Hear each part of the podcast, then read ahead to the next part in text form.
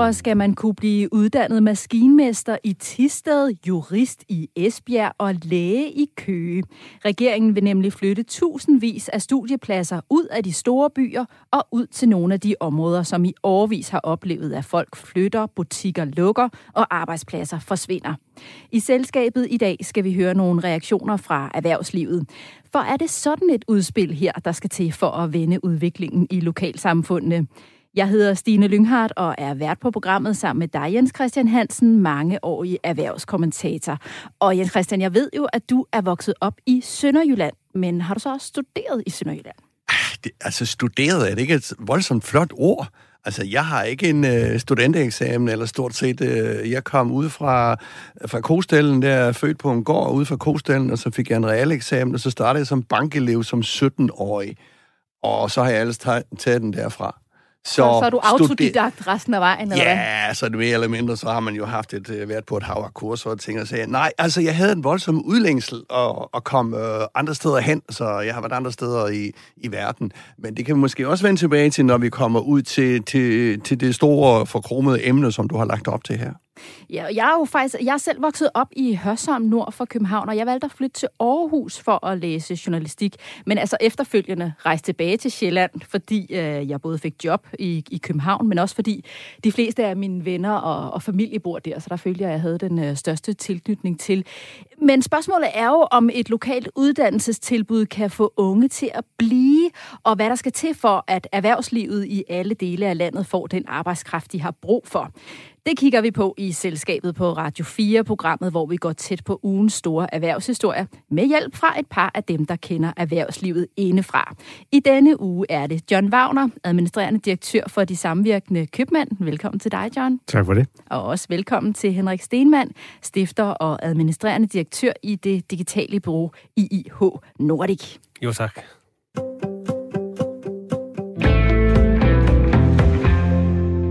Og vi tager hul på dagens emner om et øjeblik, men først skal vi lige have et nyhedsoverblik. Og Jens Christian, hvad har du lagt mærke til i den forgangne uge?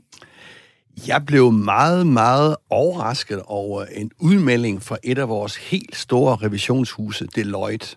Det er jo sådan, at øh, arbejdsgiverne øh, altid er skrevet ud som sådan nogen, der suger energi og kraft ud af medarbejdere.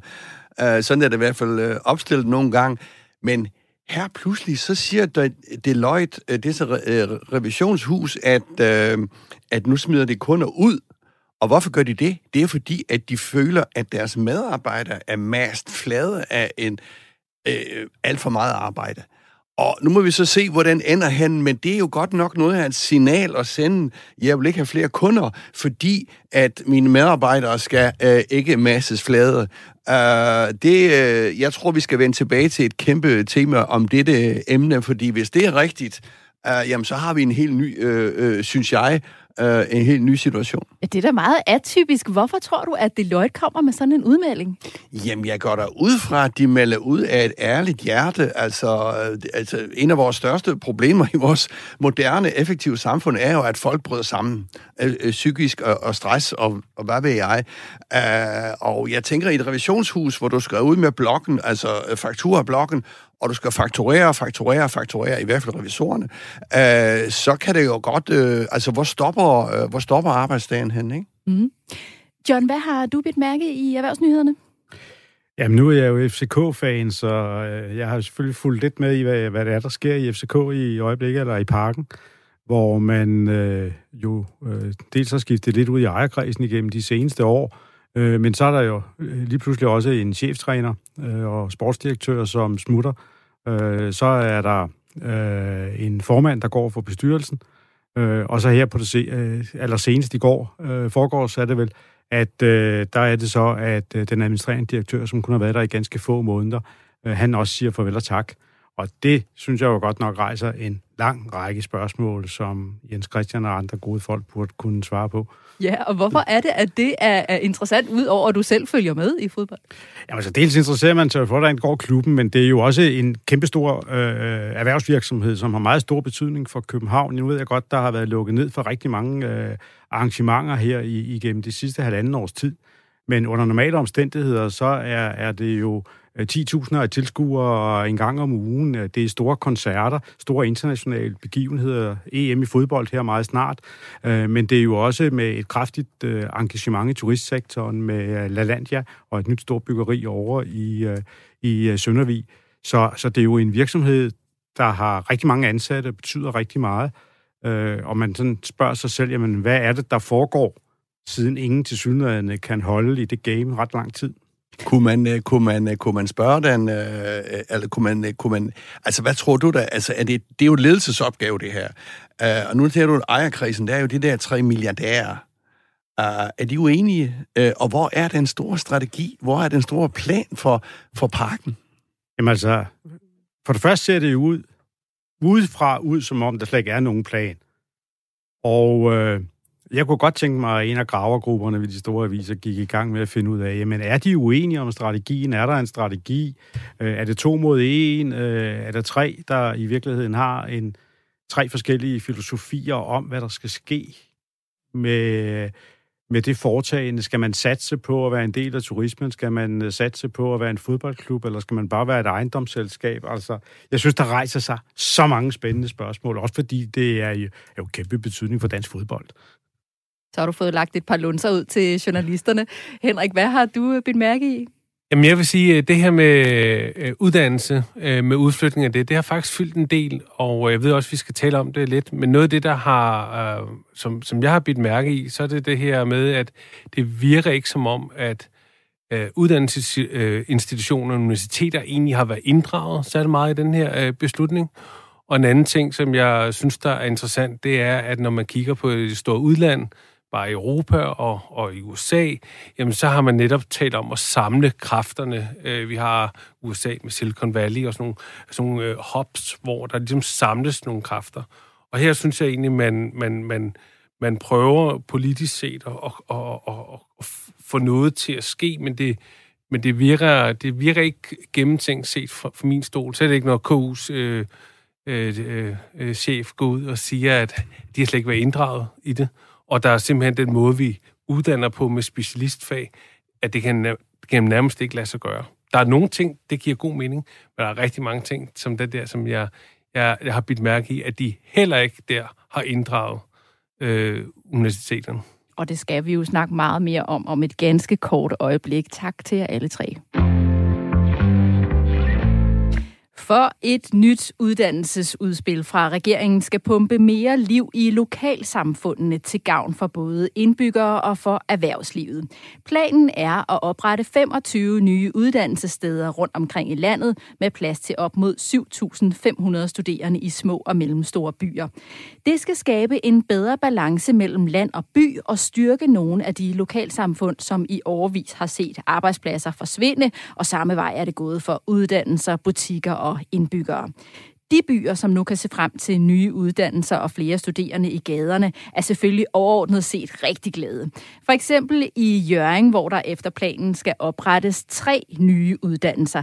Her kan man fremover blive uddannet som tandlæge, socialrådgiver og bioanalytiker. Og det er byens borgmester Arne Bolt temmelig begejstret for.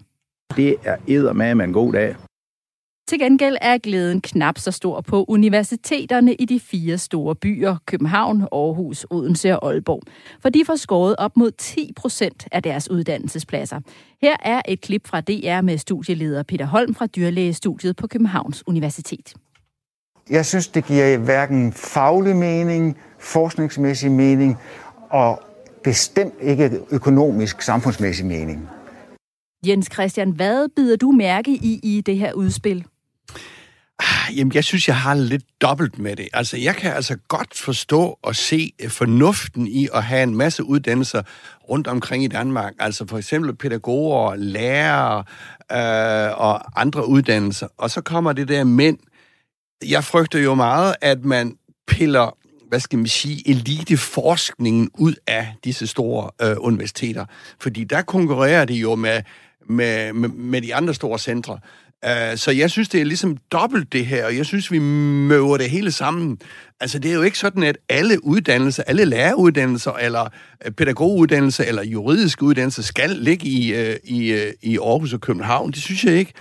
De kan sagtens ligge andre steder, maskinmestre og andre også, måske lidt længerevarende uddannelser, men altså den der elite, eliteforskning, hvor du kun har få, og du skal have professorer fra Harvard og alle andre steder i verden til at komme her til os, for ligesom at skabe noget centrum og noget øh, aktivitet omkring København, jamen, øh, øh eller Danmark, kan man sige. Det er jo, de, de vil jo, altså det er jo København og Aarhus, altså det må man jo bare sige.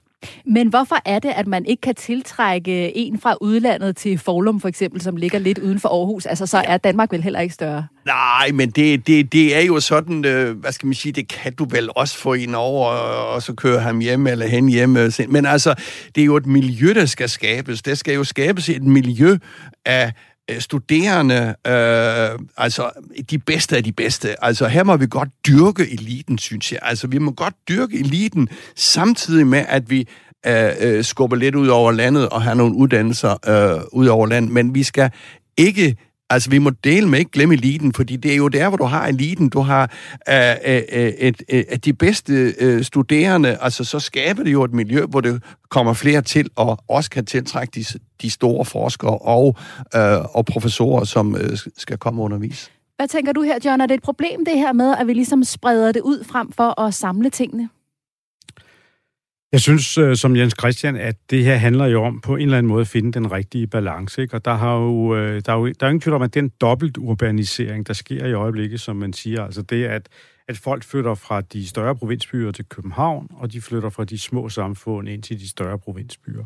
Og der er ingen tvivl om, at vi lægger landet øde, og vi mærker det jo også, øh, og nu repræsenterer jeg jo købmænd, og, og vi mærker det jo også, at, at det er vanskeligere at drive øh, dagligvarerhandel i de mindre Øh, byer. Hvordan mærker I det?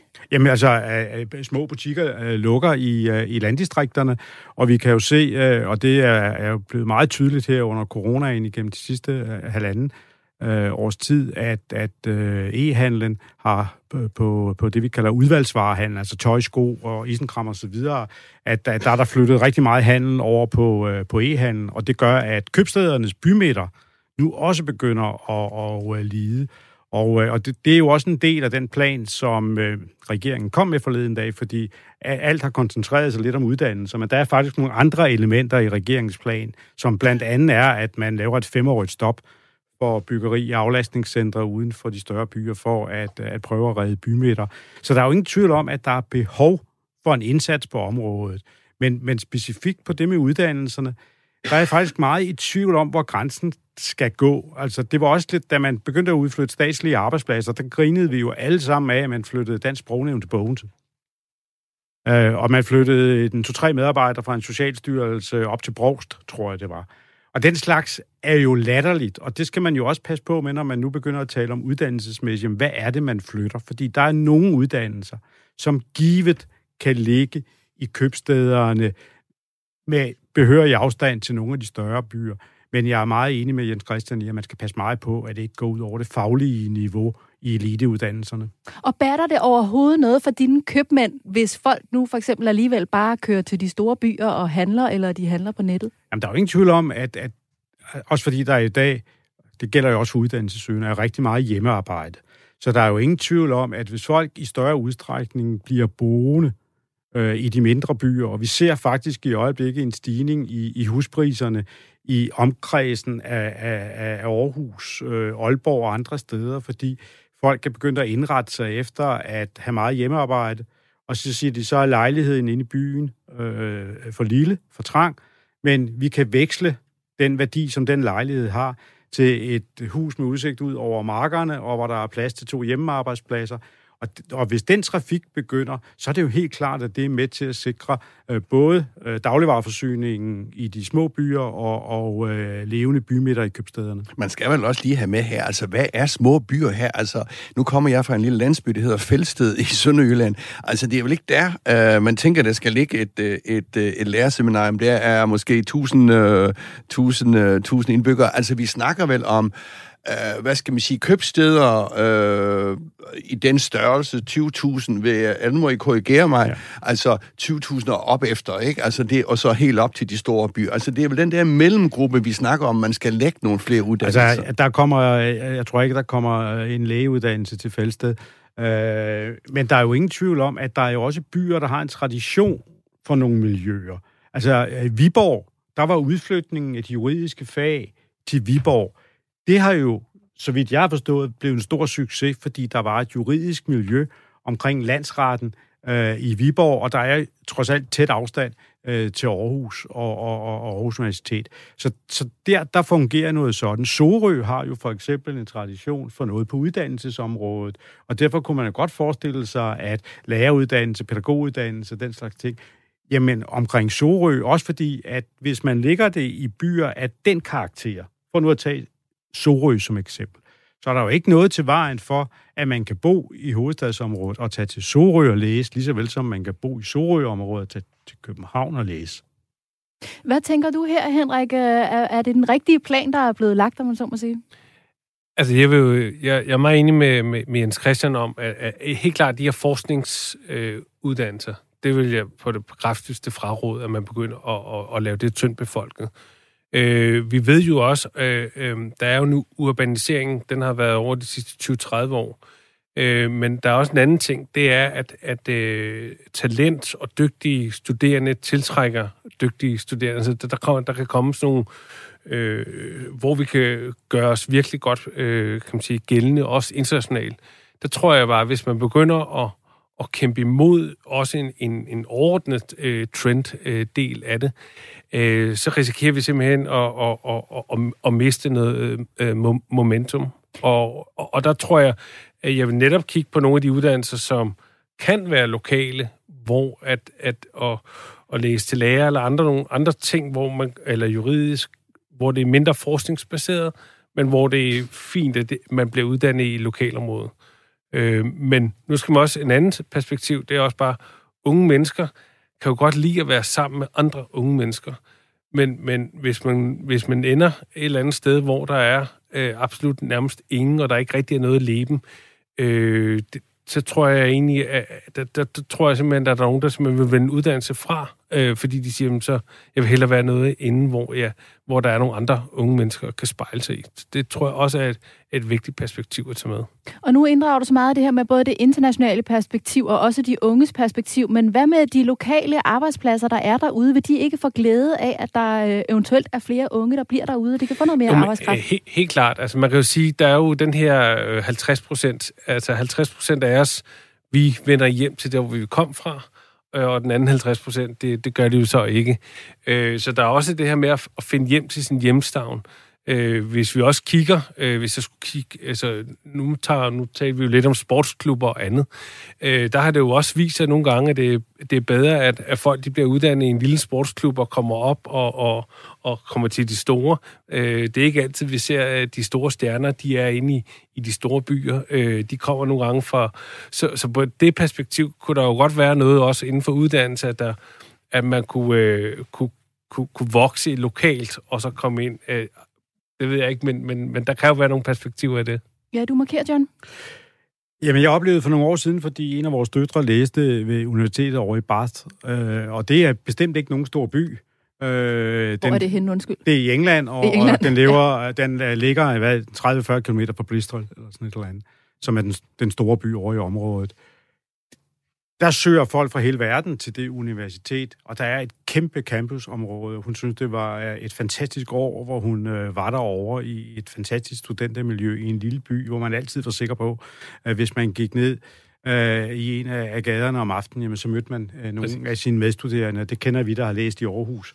Øh, jo også, at hvis man gik på Journalisthøjskolen i Aarhus, jamen, man vidste præcis, hvor i Skolegade eller Latinerkvarteret man kunne finde sine venner. Så det er vel også et spørgsmål om, at vi i forbindelse med, at vi har placeret vores øh, universitet der rundt omkring, og for eksempel universitetet i, i, i Roskilde, at så har man ikke taget konsekvensen fuldt og helt, og sørget for, at der blev lavet et kæmpe område med uddannelser, med campusområder, hvor de kan bo, og, og de faciliteter, som de unge mennesker, øh, de søger til.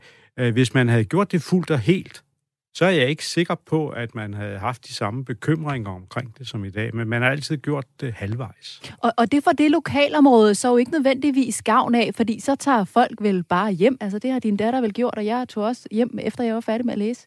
Nå, men det hun var derovre det år, som man, man, man nu er der, så tog, kom hun hjem til, til, til, øh, til CBS og læste sin, sin uddannelse færdig der.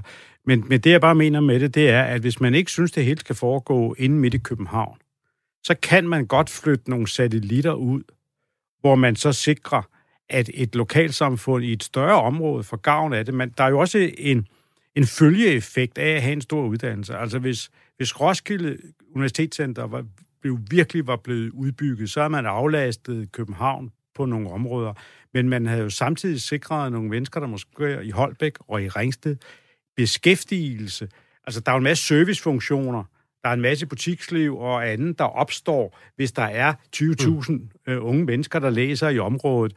Og det vil sige, at hele området derude får gavn øh, af det. Det kan godt være, at de ikke får gavn af det, fordi de selv har en uddannelse i Holbæk, men der er en masse i Holbæk, der er beskæftiget med servicefunktioner i forhold til det kæmpe uddannelsescenter for eksempel Roskilde kunne have været. Så du er mere fortaler for, at man laver nogle store centre, men som så måske er uden for de store byer? Jeg tror, det er, det, det, det er vigtigt, og det har man jo også forsøgt at gøre med, med udbygningen af både Odense og, og Aalborg, så det ikke kun er København og, og Aarhus, og man prøver også at lægge satellitter ud fra dem. Og jeg tror, at, at, at det, det er sådan et, et, et lidt underligt udtryk, men hvis man laver en klog decentralisering, måske ikke mindst af de mellemlange uddannelser, så tror jeg faktisk, det kan komme til gavn for hele Danmark. Henrik? Jamen, det, som jeg også og indledningsvis sagde, det var det her med, at, at, at universiteterne ikke er blevet inddraget i det. Og det er der, hvor jeg synes, at jeg bliver bekymret for, når man kører sådan en plan igennem. Fordi så virker det lidt som om, man ikke har sat sig 100% ind i tingene. Og jeg ved så, man kan jo altid beskylde, at der er bias, at en rektor går ud og forsvarer sit universitet. Men nu synes jeg faktisk, at på, på alle, hvad jeg har hørt rundt om, og de klip, der har været, der, der går de ind og argumenterer ret fornuftigt, hvorfor de ikke synes, det er en god idé. Og de er heller ikke øh, bramfri for at sige, jamen måske var der nogle ting, der var en god mening, men de kunne godt have tænkt sig, at der har været noget dialog, fordi nu er det bare blevet kommunikeret ud, og, øh, og nu er der så tovtrækkeri, der går, der, der går i gang. Og det synes jeg er lidt ærgerligt. Jens Christian, hvad tænker du er det vigtigste at have fokus på, for at det her det skal blive en succes, både for studerende, for lokalsamfund, for erhvervslivet og, og for Danmark? Jamen altså, hvis du tager den øh, med erhvervslivet, altså, de vil komme til at hungre efter arbejdskraft øh, de, næste, de, næste, de næste par år. Og nu kommer jeg jo selv, øh, som du har sagt så mange gange, fra det sønderjyske, og der har vi en lille bitte virksomhed, som her Danfoss. Og Danfoss, de øh, har jo et hav af ingeniører, på et tidspunkt øh, var det virkelig svært at få ingeniører, som jo typisk uddannes ude på DTU, øh, i, øh, lidt nord for København, ude i Lyngby. Øh, men så har de jo fået lavet sådan, jeg er ikke helt sikker på øh, præcis, jeg ved, men altså, de har fået lavet sådan nogle overbygninger på en ingeniøruddannelse i Sønderborg. Og, øh, øh, og mit pointe er sådan set bare, jamen hallo, når Danfoss, Lego, Grundfos kæmpe store, efter danske forhold, virksomheder kan ligge og have det rigtig, rigtig, rigtig, rigtig godt i nogle små samfund, jamen så kan vi også godt lægge nogle uddannelsessteder i disse små samfund. Ja, og der er jo faktisk også eksempler på, for eksempel den tidligere øh, regering flyttede nogle uddannelser ud i 2018 med sådan lidt blandet succes, men i hvert fald i Kalundborg var der stor interesse for at læse til bioanalytiker, øh, og der er rigtig mange af dem, der har fået job i lokalområdet efterfølgende, så, så der må være fundet en eller anden model, der fungerer. Jo, men øh, lige i Kalundborg, der har Novo Nordisk jo sin store insulinfabrik, Øh, og det er selvfølgelig øh, meget automatiseret, det er jeg godt klar over, men de har jo, jeg kan ikke huske, hvor mange de er ansat det ud, jeg tror, det er et sted mellem 1000 og 1500 mennesker øh, på øh, i Kalundborg. Det er jo et meget, meget, meget øh, sådan øh, forholdsvis lille by, øh, kan du sige, ikke? Og så giver det jo meget god mening at, at lave en bioanalytiker, øh, øh, en bio-uddannelse øh, øh derude, ikke? Vi når ikke mere i denne runde. Tak til jer alle tre for dagens første paneldebat. Jeg kan lige tilføje, at øh, regeringen til efteråret vil indlede politiske forhandlinger om sit uddannelsesudspil, og så må vi se, hvordan kortet over uddannelserne kommer til at se ud fremover.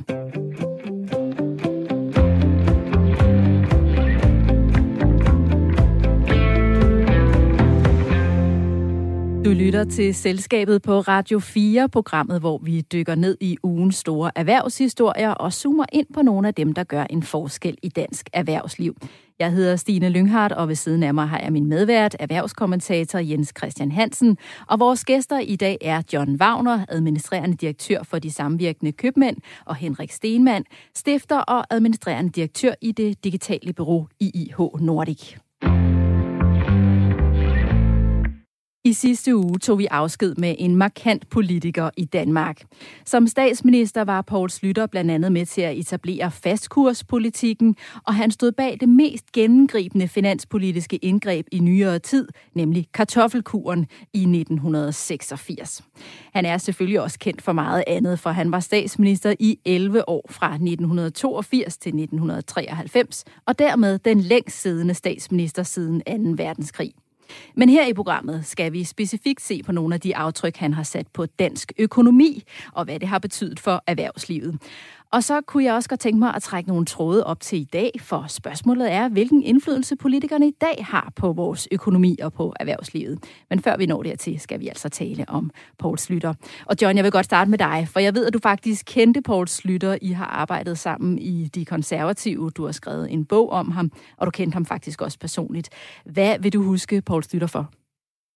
Om det er jo klart, at, at i og med, at jeg har arbejdet tæt sammen med ham, jeg var generalsekretær i i øh, fire år, mens han var statsminister, og, og øh, har kendt ham personligt, som du siger. Men så husker jeg ham jo selvfølgelig ikke mindst for en, en masse samtaler, øh, hvor, hvor hans øh, humor og, og hans indsigt og, og spidsbemærkninger og så videre i den grad kommer til udtryk. Så, så, så der er jo nogle personlige ting for mig i det her, ikke? Men, men øh, hvis vi kigger på det politiske, så er der jo ingen tvivl om, at hvis vi kigger tilbage og ser, hvad vi har haft af statsministre og regeringer osv., så, så sker der altså noget i de der 10 år, som er helt unikt.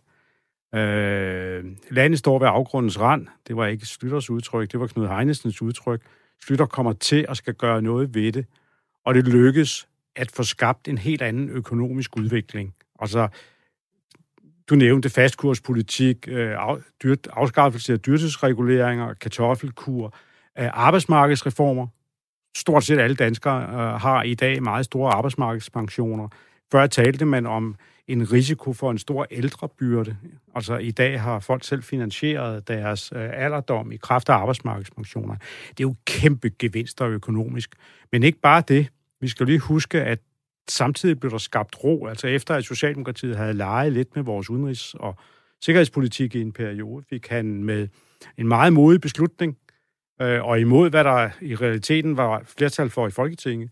Øh, først med et, et NATO-valg, og derefter med en, en folkeafstemning omkring EU, skabt ro om vores alliancepolitik. Og så har vi nogle monu- monumenter stående rundt omkring. Altså Storbæltsbroen, Øresundsbroen og dermed Ørestaden, TV2. Det er alt sammen initiativer for de 10 år.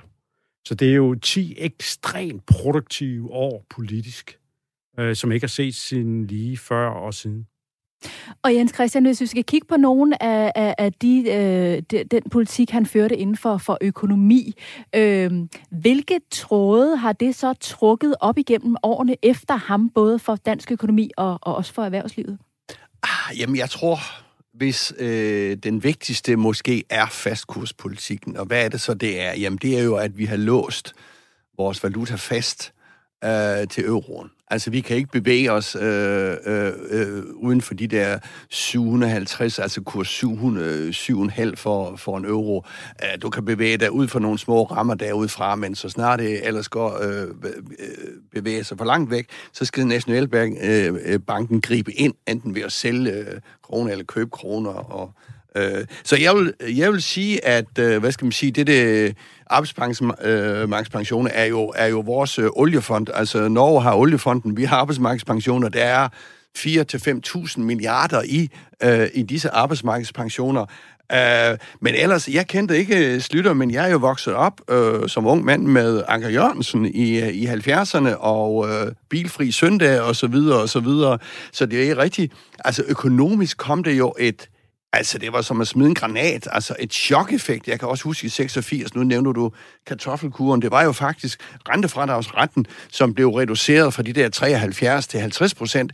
Whoopty, øh, så kunne du ikke trække så meget fra øh, på din øh, skatteseddel. Det smadrede så også boligmarkedet i 6-7 år, så ikke alt er godt øh, på den korte bane, men altså på den lange bane har det jo selvfølgelig været godt. Det, som jeg husker slutter for, hvis jeg lige må sige det, det er måske pragmatismen, øh, hvis det ellers er noget, det virker ind, eller hedder sådan ind på politik. Altså nu synes jeg, ah, fløje står så skarpt over for hinanden. Øh, jeg kunne godt øh, ønske mig øh, noget mere pragmatisme. Det er måske, fordi jeg selv politisk er der, hvor jeg synes, det skal noget pragmatisme til. Jeg kunne godt tænke mig lige at vende tilbage til det her med fastkurspolitikken, fordi hvad har det betydet, at vi har fået den? Eller man kunne måske også spørge omvendt, hvad var der sket, hvis vi ikke havde fået den? Puh, hey, jamen der skal du vel snakke med nogle økonomiprofessorer, men jeg tror da, det har betydet, at vores krone, den er øh, sindssygt meget værd. Altså, den er måske også øh, for, for meget værd. Men altså, det har jo gjort, øh, det har jo givet, hvad skal man sige, det har jo givet os øh, øh, øh, råd til at komme rundt i verden øh, for en billig penge. Uh, hvis man skal sige det meget kort. Nu uh, har vi jo en CBS-mand uh, øh, stående her ved siden af, men det er vel det, man kan sige meget kort. Men også, man kan sige, fastkronepolitikken har jo også gjort Danmark til uh, i mange år at være en sikker havn. Altså, det var et sikkert land at være i. Det var et sikkert land at øh, altså, økonomisk at investere i. Øh, også hvis man vil købe obligationer eller andet, så var vi i en, en sikker havn. Og der har vi jo stået super godt og lunt, også hele i euroens øh, øh, tiden øh, på, på det. Så, så det, det tror jeg blandt andet også. Øh, men jeg, det jeg hæfter mig ved, nu var jeg så ganske ung, der også der producenter var, og noget jeg også kan huske, han sagde, det var, det går ufatteligt godt. Øh, den sætning kan jeg huske meget tydeligt.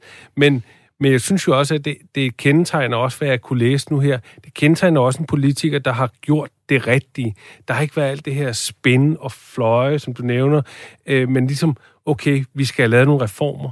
Vi, vi, vi, vi skal altså på ret kurs, og de beslutninger, vi kommer til at træffe i fællesskab, det er ikke populære beslutninger, øh, men de har trods alt øh, været så populære, så han har kunne blive siddende, og det tror jeg egentlig, at hvis jeg skulle pege det på, at jeg savner meget mere i dag end nogen, der, der, der ikke tænker alle de her strategiske ting, men meget mere, hvad er det rigtige øh, øh, at gøre. Også, øh, også rent økonomisk. Øh. Hvis nu du havde været erhvervsmand dengang, øh, hvilket billede tror du så, du ville have haft af ham? Jeg tror, øh, jeg tror, han var en egentlig en person, også i øjnehøjt. Øh, jeg kunne læse nogle beretninger, blandt andet, hvordan Slytter øh, øh, var ude og gå en tur, og så så nogle knægte spille fodbold. Og de vidste jo udmærket godt, at det var Danmarks statsminister. Men han gik hen og, og, og, og, og talte med de her drenge, og, og spurgte, hvad de, hvad de, og hvad de gjorde og hyggede sig osv. Så, videre. så det var jo i virkeligheden også en person, der var meget i øjenhav, øjenhøjde og, og pragmatisk. Jeg tror ikke, Slytter havde, øh, men det kan det være, øh, øh, jeg tror ikke, han havde så mange øh, øh, fjender, øh, men selvfølgelig også blevet kendt for, at der er intet noget, der er far under gulvtæppet. Det er jo også en sætning, man har hørt igen og igen. Men jeg synes, det var de ord, der blev talt om Slytter nu her, der, der fortæller det også om en, en, en stor statsmand, som der desværre er gået bort. Må jeg ikke lige øh, sige noget her, fordi øh, øh, nu levede jeg jo i den tid, øh, det gjorde du ikke, Henrik, der var du en, øh, dreng kort bukser, eller hvad det nu var. Men jeg skal lige hilse at sige, at han havde altså mange øh, fjender også derude, og det kan, det kan John vel bekræfte. Altså, vi havde jo strækker øh, en masse, og bare 100.000 øh, på Slotspladsen. Vi havde jo, øh, John var kort inde på, på det, vi havde hele fodnotepolitikken, en rimelig hård, konfronterende øh, hvad skal man sige, opgør. Vi, øh, vi var ikke glade for USA dengang, og så videre, og så videre. Så øh, bare for lige at, at, at få det lidt, øh, hvad skal man sige, sådan, altså det er jo sådan noget med, at øh, nu her i dag, så, så glemmer vi måske de hårde opgør, og det bringer mig frem til det der mod, der også skal til, ikke? Altså, øh, der skal altså mod til at lave nogle arbejdsmarkedsreformer og ind, øh, øh, øh, øh, droppe nogle dyrtidspositioner. Altså, fordi det er selvfølgelig en masse mennesker, det bliver hammersure. Uh, det var hård konfrontation med fagbevægelsen, det skal man altså ikke, øh, ikke, øh, ikke glemme. 180.000 på Christiansborg Slottsplads. Var det 180.000? Ja. Ja, det, så der kan du se, og der, jeg var selv med øh, derovre. Jeg var noget mere øh, i agtager og journalist. banner, eller hvad? Nej, jeg var mere øh, journalist, men jeg kan tydeligt huske det. Øh, og det, det ser vi jo ikke i dag. Så man skulle jo tro, at man kunne lave en masse øh, forlig for folk. Jo, de brokker sig lidt på de sociale medier. Men hvor er mådet hen, kære mm. politikere? Hvor er mådet til at tage nogle beslutninger, selvom det er nogen, der bliver sur? Specialarbejdernes øh, formand, Hardy Hansen, Øh, de satte 140 millioner af øh, med henblik på at vælte Slytter ved det første valg, efter han var kommet til. Og som Slytter engang sagde, aldrig har de spildt så mange penge. Øh, for han fortsat. Øh, og det er jo rigtigt, som både Jens Christian her er inde på, at han, han havde en særlig evne til at sige, men hvad er problemet? Hvad er problemet for borgerne? Hvad er problemet for erhvervslivet? Hvad er problemet for landet? Det må vi gøre noget ved. Altså, jeg tror aldrig, at han i sin regeringstid har taget et partiprogram ned af hylden og sagt, øh, hvor er det, vi skal hen af. Han var styret af, hvad var det for nogle problemer, der skulle løses. Det var det, som Jens Christian kalder den pragmatiske tilgang til tingene.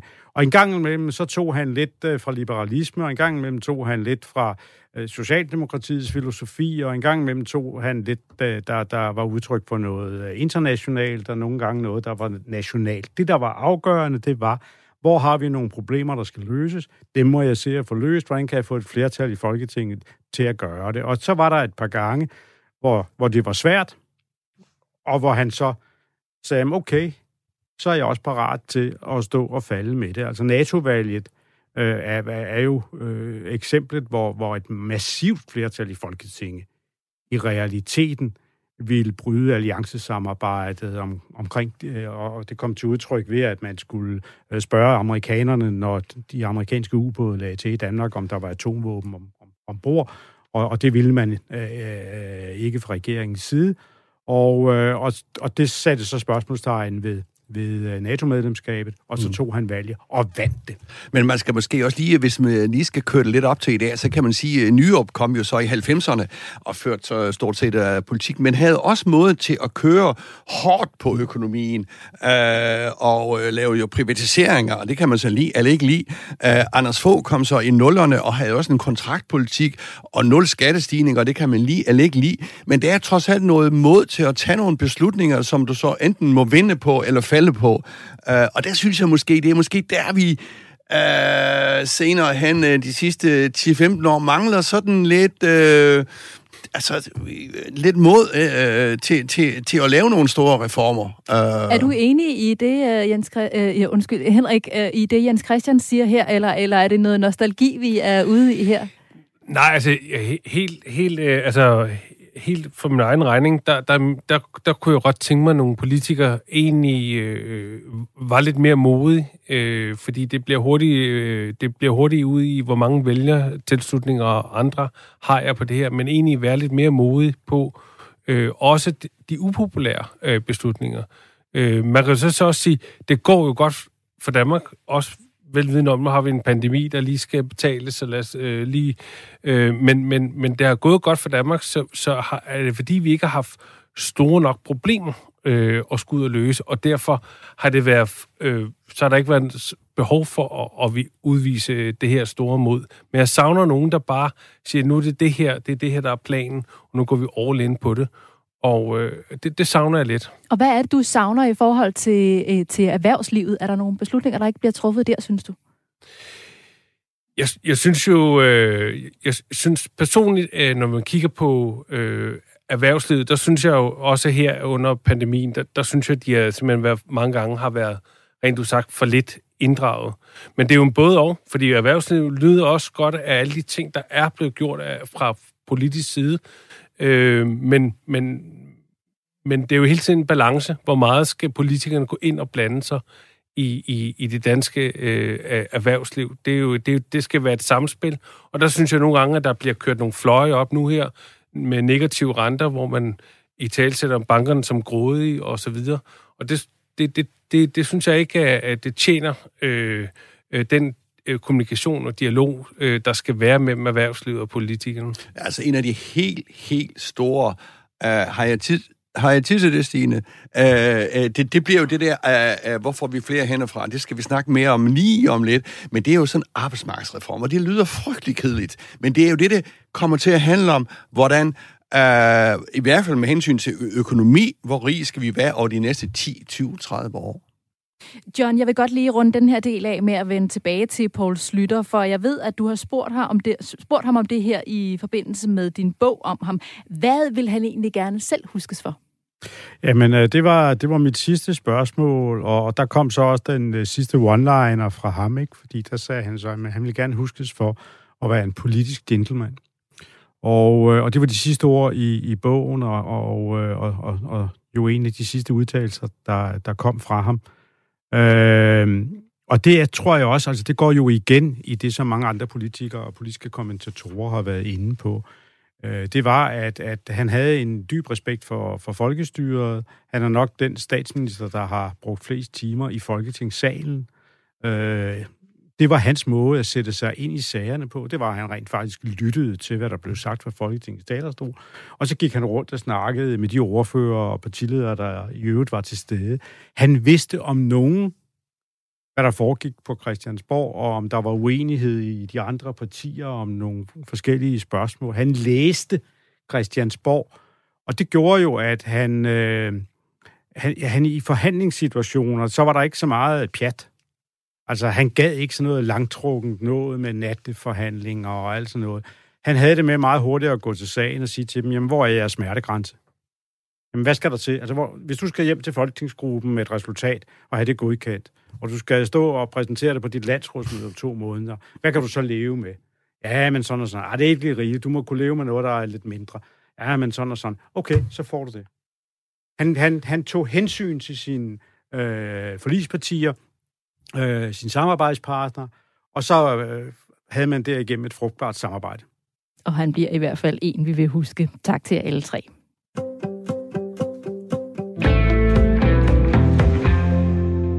Vi skal til ugens erhvervsprofil. Hver uge tegner vi her i selskabet profil af en person, der spiller en stor rolle for eller i dansk erhvervsliv. Og i denne uge zoomer vi ind på en kvinde, som er sat på lidt af en opgave af regeringen. Det er Nina Schmidt, som er tidligere vismand og professor i økonomi ved Aarhus Universitet.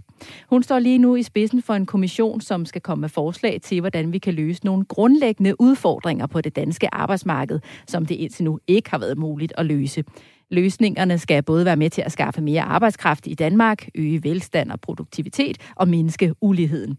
Kommissionen er netop kommet med sin første rapport, som peger på forskellige udfordringer inden for beskæftigelsen. Det drejer sig blandt andet om danskere, som aldrig får fodfæste på arbejdsmarkedet, og om unge, som ikke får taget en uddannelse. Jens Christian, det er så Nina Schmidt, som er formand for den her kommission. Hvis du skal putte lidt flere ord på hende, hvad er det så, der kendetegner hende og hendes arbejde? Jamen, det er jo en øh, 65-årig landmand øh, fra Aarhusområdet. Øh, jeg tror, hun har heste og ud på et, øh, eller noget, der ligner et, et, et, et landbrug i hvert fald. Hun er kontant, ambitiøs, ærlig, passioneret og temperamentsfuld skal jeg da lige hilse at sige. Jeg glemmer aldrig, øh, da jeg var på bådferie nede i det græske øhav, og det pludselig var en øh, telefon fra, fra Nina Schmidt, øh, så siger hun, Jens Christian, det der, du har skrevet, det er altså helt hen i skoven. Og så gav hun mig en lille skidebæl, og så fik vi en, øh, en, øh, en snak om det, og øh, efterfølgende en kop kaffe hjem på hendes kontor, og, øh, og så øh, arbejder vi videre. Så også respekten for det, øh, det modsatte synspunkt. Og det er også noget, man oplever i andre sammenhænge, at hun øh, godt tager sige sin mening? Jamen det tror jeg. Altså, jeg tror ikke, nu øh, har vi jo snakket lidt om, at politikere, der ikke rigtig tør, øh, tør, tør noget, ikke? Altså hun er, hun er ikke bange for sådan at blive blive, øh, blive øh, altså hun, er ikke, øh, hun har ikke behov for at please alle og enhver. Hun siger, hvad hun mener. Øh, så kan man så være enig eller uenig, men, øh, men, øh, men man får det sådan relativt råt for usødet. Og det er jo ikke sådan øh, ensbetydende med, at hun så altid har ret. Absolut ikke. Altså, man, hvis man skal kritisere hende for noget, så kan man sige, hele den der børsnotering, hun er jo netop med i nykredit. Det er måske der, øh, en hel masse kan huske hende fra. Hun, hun er faktisk formand for for, for den fond, der ejer Nykredit, vores største realkreditselskab. Og de ville jo på børsen for fire år siden, øh, og der var hun også på vej til, men så sagde bagland, hallo, nej, og det blev så ikke til. Så selvfølgelig kan, øh, øh, øh, øh, kan hun ikke altid måle øh, folkestemningen korrekt. Der vil jo nok være nogen, som ikke lige kender Nina Schmidt, når man nævner hendes navn. Hvad adskiller hende fra andre økonomer, vi ser i offentligheden, Henrik? Jamen, der, der, der er ingen tvivl om, øh, som også Jens Christian øh, er, er, er inde på, det er jo det her med, at hun... Øh, øh, det der med, at hun egentlig tør at sige, sige sin mening. Øh, jeg kunne også være lidt fræk at sige, at det, det er jo selvfølgelig også noget, der kommer med, med, med alderen. øh, så begynder du at egentlig at sige tingene, øh, som det er. Øh, når man også går ind og kigger på nogle af de bøger, hun har, har udgivet, øh, hvor at, at vi er gået fra, at vi havde mangel på arbejde, til at vi egentlig har mangel på, på arbejdskraft. Øh, og, og, og der synes jeg, at hun er, har været god til at gå ind og adressere en udfordring, som jeg synes faktisk er stadigvæk er, er kæmpe stor øh, på det. Jeg kan jo bare kigge på min egen virksomhed. Øh, I vores data- og analytikafdeling, der har vi kun én dansker. Resten, de kommer fra, fra, fra, hvad hedder det, fra England, vi har en fra Polen, vi har en fra Spanien, vi har en øh, fra Tyskland af, øh, og, og, og, og så har vi tre fra USA. Og, og der må vi bare erkende, at, at, at det er jo et problem, øh, øh, at vi ikke evner, og, og, og så også har en mere liberal måde, vi øh, kan få arbejdskraft ind. Øh, der er vi jo blevet meget sådan sort-hvid. Jeg ved, der er mange, der gerne vil hertil, men kan ikke øh, gøre det på grund af vores udlændingsregler og andet. Så, så jeg synes også, øh, lige præcis det er øh, jeg synes, hun er inde og, og, og arbejde med der, det, og sætte det på agendaen, det, det, det, det, det håber jeg, at, at det kommer mere frem. Og det er jo så den her kommission, som bliver kaldt Kommissionen for anden generations reformer. Det lyder umiddelbart uh, lidt indviklet, men det er altså noget med at nytænke de uh, reformer, vi tidligere har set og tænkt tingene på en ny måde. Hvorfor er det Nina Schmidt, som er valgt til at lede det, John? Ja, det, jeg kender ikke øh, den, den konkrete baggrund, men jeg tror, det er, fordi hun har øh, af, af universitetsfolk måske øh, en, en, øh, en både større indsigt, men også en, en rigtig god fornemmelse af, jamen, hvad er den øh, politiske efterspørgsel? Det hjælper jo ikke, når man nedsætter øh, rådgivende udvalg, kommissioner eller partnerskaber. Det er jo det, der er blevet meget populært på det seneste. Det nytter jo ikke, at man sætter folk i spidsen for, for udvalg og partnerskaber, som ikke har forståelse for det politiske liv og, og, og, og, det, og, og det, som regering, folketing i realiteten øh, efterspørger. Og der tror jeg, at, at der er ingen tvivl om, at hun er en af dem, en af de 5-10 koryfærer, der er i øjeblikket, som hvis man sætter dem i spidsen for at få løst en opgave, så kommer der også noget, der ikke bare er fagligt velfunderet på det økonomiske område, men som også er politisk realisabelt, og som kan benyttes til at skabe brede flertal. Det er jo utrolig vigtigt, at man på de her områder ikke får zigzag-politik, så man i erhvervslivet ikke ved, hvad man har at rette sig efter, at det om to år kan blive helt anderledes. Men at man ved, at når der kommer sådan nogle reformudspil fra nogle eksperter, at så kan man skabe de brede flertal, der gør, at der er en linje i det. Vi var inde på det tidligere med, at, at, at Nyrup Rasmussen brød ikke det, som Slytter havde lavet i 10 år. Han fortsatte den politik, og det var jo det, der gjorde Danmark økonomisk stærkt. Det gør man ikke i løbet af 5-10 år. Det gør man netop i løbet af 15-20 år. Men øh, når jeg lige skal øh, supplere, hvad, hvad, hvad, hvad hun ligesom er op imod øh, Nina Schmidt her, som vi, snakker, øh, som vi snakker om, så er det jo, at alle disse kommissorier, det er jo tit, de bliver smidt ned i den øh, nederste øh, skuffe. Jeg husker, var det velfærdsreformen med 30 forslag, øh, som øh, Anders Fogh smed i skraldespanden, men så kommer de på øh, dagsordenen nogle år efter. Så, øh, så øh, vi venter spændt på nogle kæmpe store reformer, som skal give flere hænder til det danske arbejdsmarked lad os runde den af her. Jeg kan lige fortælle, at den kommission, som Nina Schmidt for, står i spidsen for, nu skal arbejde videre med de forskellige udfordringer, der er peget på, og kommissionen vil så på et senere tidspunkt komme med løsningsforslag.